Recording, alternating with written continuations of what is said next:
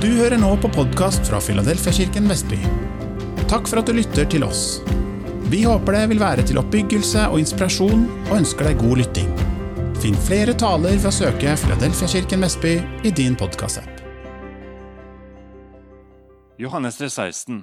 For så høyt har Gud elsket verden, at han ga sin sønn, den eneborne, for at hver den som tror på han, ikke skal gå fortapt, men ha evig liv. Kjærlighet er eh, største, Guds største motivasjon. Det er det som motiverer Gud. Vi vet at han er rettferdig, at han er hellig. Vi vet at han er, uh, han er evig. Han er suveren. Um, og hvis han åpner dør, så ingen kommer til å lukke. Og hvis han lukker dører, ingen kan åpne. Han uh, um, han er rettferdig, som sagt, og hvis han bestemmer seg for noe, så det går ikke an å, å forandre hans planer. Hans, eh, hans, eh, han, ja, hans, planer. Troen Vi snakker ofte om at troen driver Guds hjerte. Men menneskers troen kommer ikke til å flytte fjell, kommer ikke til å flytte noe som helst. Det er bare den troen som kommer fra Gud, fra hans hjerte, fra hans ord. Det er den troen kan gjøre noen endringer. Så hvis Gud sa noe, eller Gud bestemte seg for noe så det er, eh, eh, Han har en veldig sterk karakter. det er det jeg prøver å si. Han er veldig sterk i sin karakter, men han har et hjerte. Og det er en annen side ved Gud, at han elsker mennesker. Han er full av kjærlighet, og Gud er kjærlighet. Så når vi ser at hvis Gud arbeider, Gud gjør noe, så det er selvfølgelig noe som Gud bestemte seg for, men også Gud gjør det av kjærlighet. Jeremies 31, vers 3. En fantastisk vers, syns jeg. Fra den fjerne visste Herren seg for meg. Med evig kjærlighet har jeg elsket deg, jomfru Israel. Derfor har jeg hele tiden vist deg miskunn. Enda en gang vil jeg bygge deg, så du blir bygd opp igjen. Enda en gang skal du pynte deg, ta hånd, eh, håndtrommene og gå ut i latter og dans. Gud uh, profeterer til Jeremias, og dette profeterer han om Israel, som allerede var bortført i eh, eksil. Og han sier, 'Jeg elsker deg med et evig kjærlighet.' Det er en kjærlighet som aldri slutter. Og jeg skal gi deg en ny sjanse. Jeg skal gi deg en ny sjanse, jeg skal samle dere tilbake, jeg skal gi dere glede. Og all dette på grunn av kjærligheten som står, som står skrevet her. Med evig kjærlighet har jeg elsket deg, derfor har jeg hele tiden vist deg miskunn. Grunnen til at Gud viser sin miskunnhet til deg og meg, fordi han er glad i oss. Det er hans karakter. Hans kjærlighet er evig.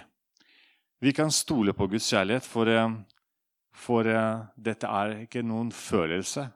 Som, eh, kjærlighet er ikke bare en følelse, dette er en bestemmelse, et valg som Gud tar. Og som jeg sa i begynnelsen, hvis Gud også tar et valg, så ingen kan endre det. Gud er sånn. Og kjærlighet, som, som jeg begynner å snakke nå, den, den driver Gud, driver Guds hjerte til handling for så høyt har Gud elsket verden at han ga. Gud ble så fylt av kjærlighet, eller at Gud elsket oss så høyt, at han, dette brakte en handling til virke, virkelighet. Han sendte sin sønn. Og Gud er nådig i dag fordi uh, eh, han er raus og tålmodig. Og han gjør det fordi han er glad med oss. Han sendte sin sønn på jorden ikke fordi han hadde en plan eller strategi, men først han elsket oss, og kjærlighet motiverte han til å finne en plan og strategi. Det er en stor forskjell. Gud gjør ikke, det for en, Gud gjør ikke arbeid som en regnskapsfører, men han har det med et hjerte. Han elsker oss først. Og så kjærlighet driver han til å finne ut veien. Um, Flere av oss har opplevd forelskelsesperiode.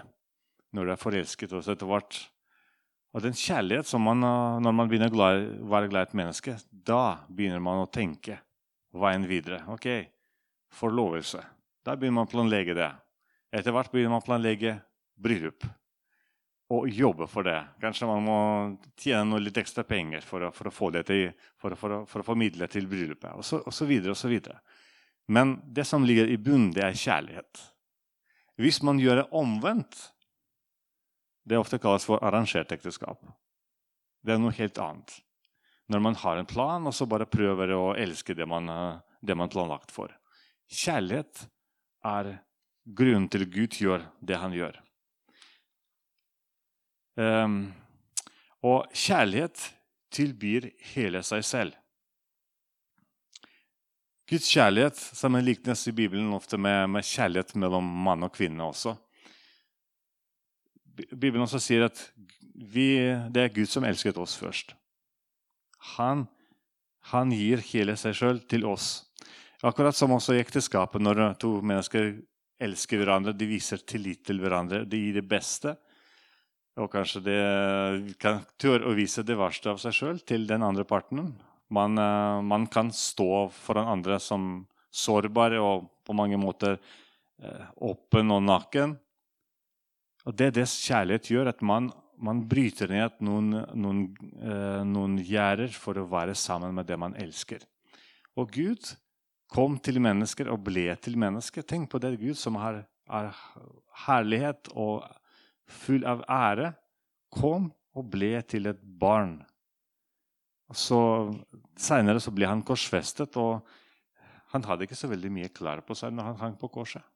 Dette var ikke noen uh, veldig majestetisk syn, men han gjør det i kjærlighet til deg og meg. For at du og jeg skulle ha en mulighet til å være sammen med han.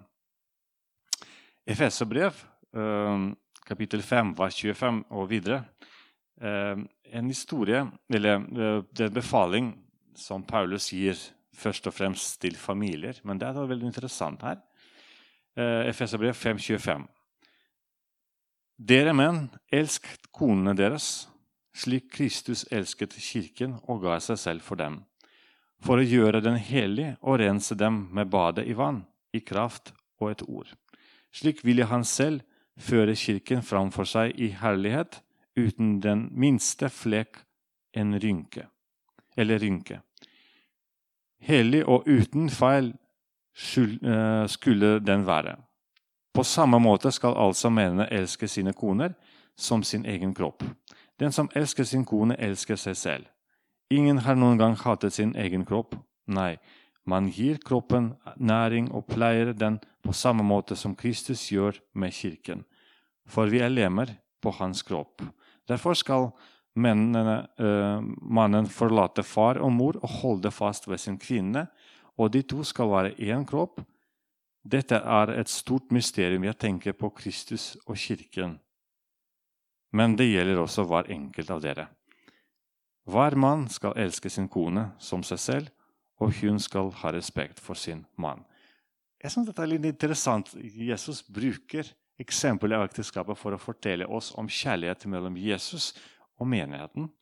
Og Det er mange, mange spesielle, veldig interessante tanker her. F.eks. at Jesus elsker kirken og gir seg selv. Han døde på korset for sin brud. Han, er eh, en rydder som, som, vil vinne sin brud. Eh, en annen spesiell tanke her at han viser omsorg til oss. Akkurat som vi viser omsorg, eller tar vare på vår kropp, så Jesus også viser omsorg for sin kropp, for, for sin kirke. Og så, vi, Dette er hans kjærlighet. Han gjør det fordi han er glad i oss. Og en annen ting det er fremdeles ting som, det sier Paulus, dette er et mysterium, men det er også jeg, klarer ikke, jeg også klar ikke til å forstå det. Han sier det at man forlater sin far og mor for å være ett med sin, eh, hus, med, med sin, eh, med sin kvinne. Dette er også et bilde på hvordan dette skjedde med Jesus og, og, og, menigheten hans. Han forlot på en måte sin far i himmelen for å, for å gifte seg, for å bli ett med sin menighet. Han forlatt sitt hjemmested. Jeg, jeg fremdeles klarer ikke forstå dette. Hvordan kan, snakke, hvordan kan man tenke dette at Jesus som er en del av treenighet, men likevel velger noe som er herlig så fantastisk ut for at du og jeg skulle ha et fellesskap med Gud. Han er glad i oss. Han er glad i oss. Og han beskytter oss. på en måte. Han står ved vår side. Du vet, han, eh, han, ble til synd for oss, han som gjorde ingenting, ingen synd. Men han kom på jorden og så på en måte snudde ansiktet ved siden av oss og sto mot, mot Gud og så sa vet du hva, jeg vet at de er skyldige, men den skylden tar jeg på meg. Se på meg som skyldig. Han ble vårt mellommann mellom Gud og mennesker. Og han ble til menneskesønnen. Jeg, øh, jeg følger ikke så veldig mye med, med, med nyhetene fra kongehuset i Storbritannia, men jeg fikk med at øh, det som jeg fikk med, fikk med meg, er f.eks. Øh, den prins, prins Charles som, som, forlot alle sine oppgaver på hoffet pga. kona. Tenk på det. han hadde en, en mye ting å miste. Og, og massmediene sier det, det ikke bare, snakker ikke bare vel om kona hans, men han velger å stå ved, ved hennes side. Han er hennes ektemann. Og eh, og så tenker jeg på Jesus som står ved vår side. Og vi har våre, eh, vi har våre, våre svakheter, men allikevel. Han sier jeg, valg, jeg, valg, jeg døde for den personen. Jeg står ved hans side. Vi har et pakt. Vi er en ekteskap. Så om han er fullkommen, ja, da, da tar jeg den vanære også. Men vi er sammen. Vi er ett. Det syns jeg er så fantastisk med Jesu kjærlighet til hans menighet. Og kjærlighet, Jesus kjærlighet også skal være vår største motivasjon. For jeg tenker, du vet, vi snakker om at Jesus elsket menighet så høyt at han døde for sin menighet. Men tenker jeg vi også skal elske menighet. Hvis Jesus elsker menighet, så skal vi også elske menighet. Som hans etterfølgere. Et nytt bud gir jeg dere, sier Jesus i Johannes 13, 34. Dere skal elske hverandre og når han sier 'hverandre', det er en menighet. Som jeg har elsket dere, skal dere elske hverandre. Ved dette skal alle, og det er de som er utenfor menighet, forstå at dere er mine disipler, at dere har kjærlighet til hverandre. Så han som elsker sin menighet, og den kjærligheten motiverer han til å gi alt, den kjærlighet skal også, skal også leve i oss. Vi elsker Gud selvfølgelig, men vi er også kalt til å elske hverandre. Elske menigheten. Johannes 15, 12. Alt dette sier Jesus i forbindelse med nattvard, faktisk. Og dette er mitt bud. Dere skal elske hverandre som jeg har elsket dere. Ingen har større kjærlighet enn den som gir livet for vennene sine.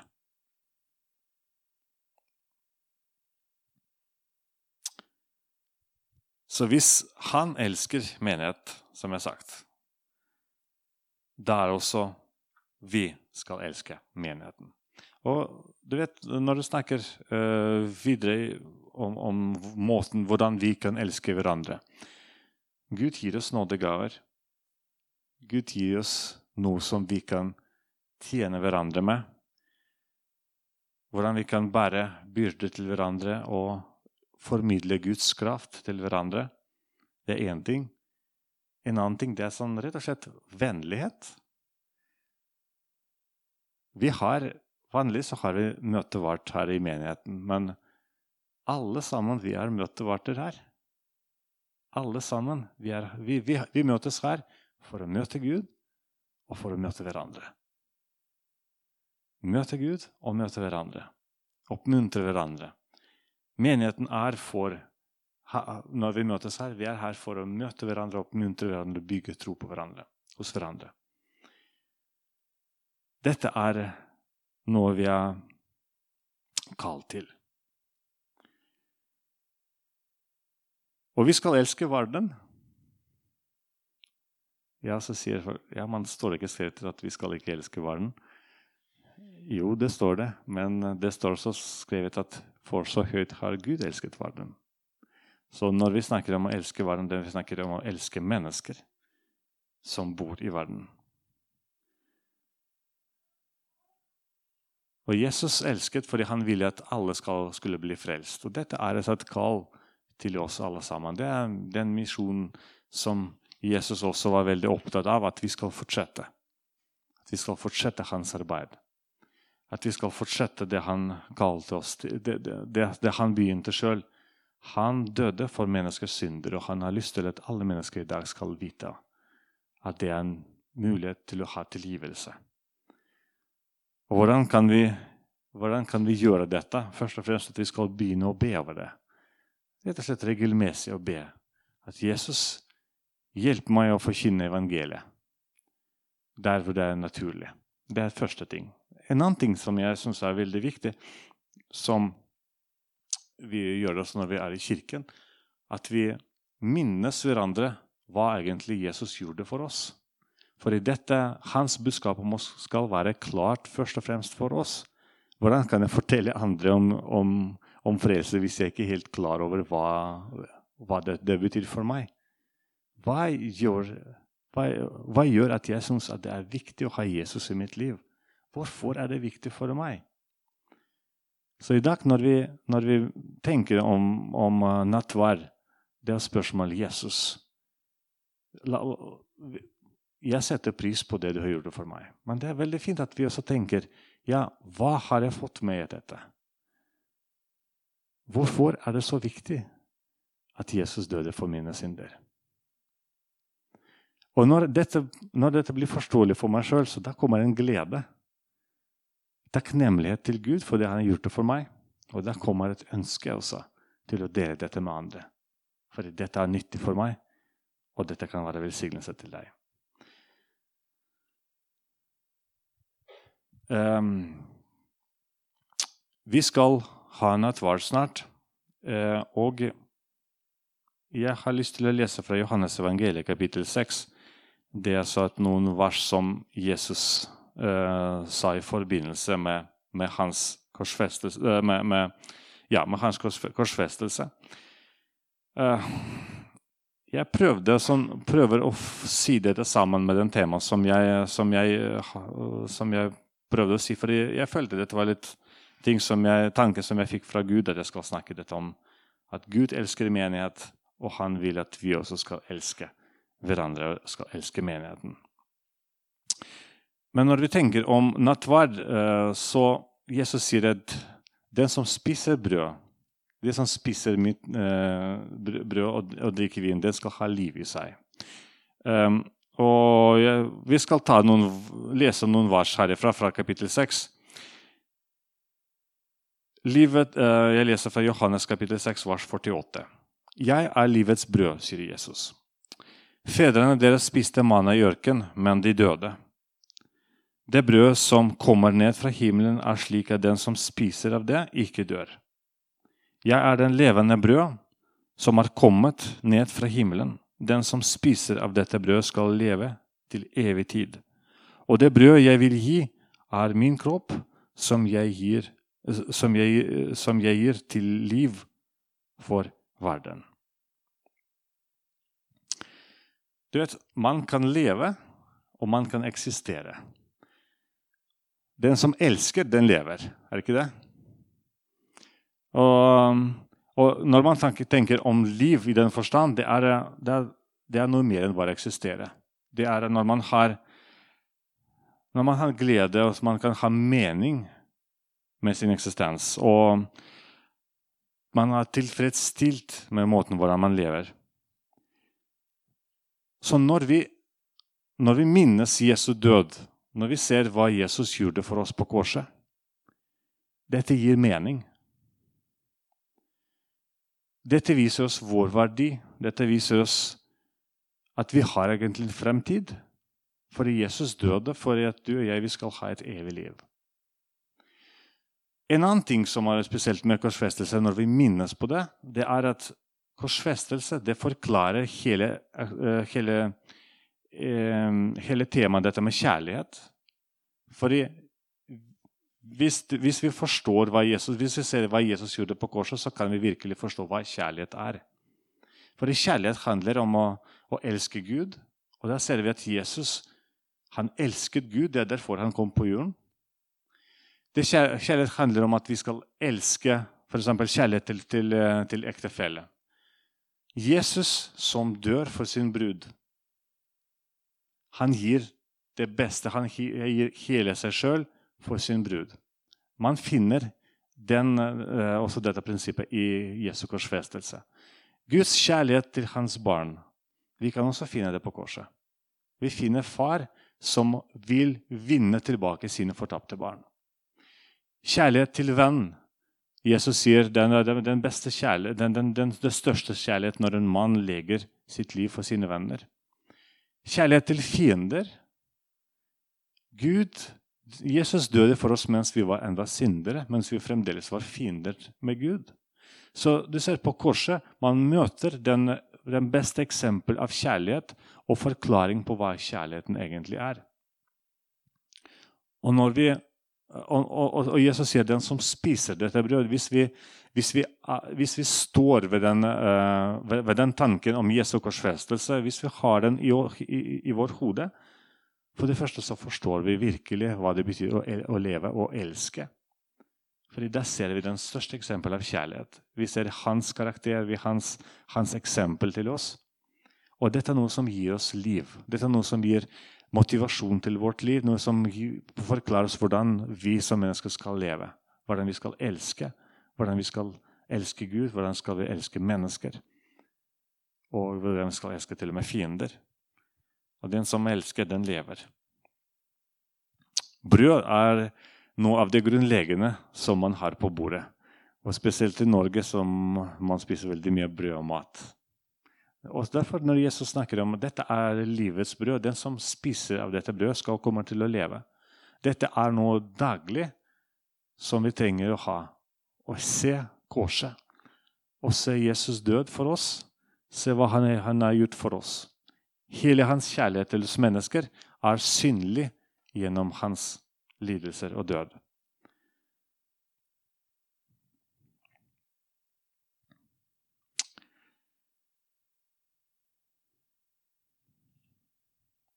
Eh, jeg fortsetter med vers 54. Men den som spiser min kropp og drikker mitt blod, har evig liv, og jeg skal reise han opp på den siste dag. For min kropp er sann mat, og mitt blod er sann drikk. Den som spiser min kropp og drikker mitt blod, blir i meg, og jeg i ham. Han blir i meg, og jeg i ham. Vi snakker også mye om dette om å være i Kristus. Å være og dette er ikke bare, en, dette er ikke bare ting som, som, som, juridisk ting. Men når vi minnes Jesu lidelse og død, når vi tenker over det, så blir vi mer eh, Da er vi i Kristus, som sier da blir dere i meg, og jeg blir i dere. Da vi, har vi samme hjerte med Jesus, da har vi samme hjerte med han. Da forstår vi hans kjærlighet til oss enda mer. Da kan vi se hva han har gjort for oss. Og Dette også gir litt prioriteringer for vårt liv også. fordi Paulus snakker at vi skal også korsfestes sammen med han. Når vi ser hva han har gjort, og i takknemlighet til det, så, så velger vi også å gå i hans fotspor. Og elske han på samme måte som han elsker oss. Og elske hverandre og tilgi andre som, um, som Jesus som tilga alle som korsfestet han på korset. Det er så mye om Guds kjærlighet som man kan lære, ut når man, eh, lære om når man ser på korset. Når man ser på det han gjorde for oss på, på Golgata. Uh, og så Vers 57 sier slik den levende far har sendt meg, og jeg lever ved ham. Slik skal også den som spiser meg, leve ved meg. Dette er vårt liv, folkens. Her sier Jesus, han, han sammenligner at hans, det at han var lydig til Guds far, dette ga ham liv. Dette ga ham mening med livet. Dette, det, er noe som, som, motiverte han Det Jesus gjorde på, her på jorden, han, han sier 'jeg gjør fordi far sendte meg'. Dette var hans største motivasjon. Og sier Jesus på samme måte som min relasjon med min far var den største motivasjonen for, for meg. Det at dere minnes min død. Dette blir den største og den beste motivasjonen for dere, sier han. Det er derfor man kommer til å leve. Det er derfor vi, dere kommer til å oppleve at dere, dere ikke bare eksisterer, men gjør noe meningsfullt og er, har en verdi fordi dere ser hva har jeg gjort for dere. For jeg døde, for, og det betyr at du er verdifull. Jeg døde, og det betyr at du har en fremtid og håp. Jeg døde, og det betyr at jeg er glad i deg. Så dette er eh,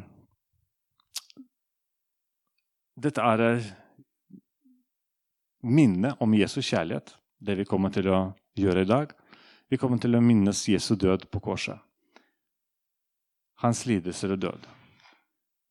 Hans kjærlighet motiverte han til å forlate alt og gi seg sjøl, så at du og jeg skulle ha et fellesskap med Gud.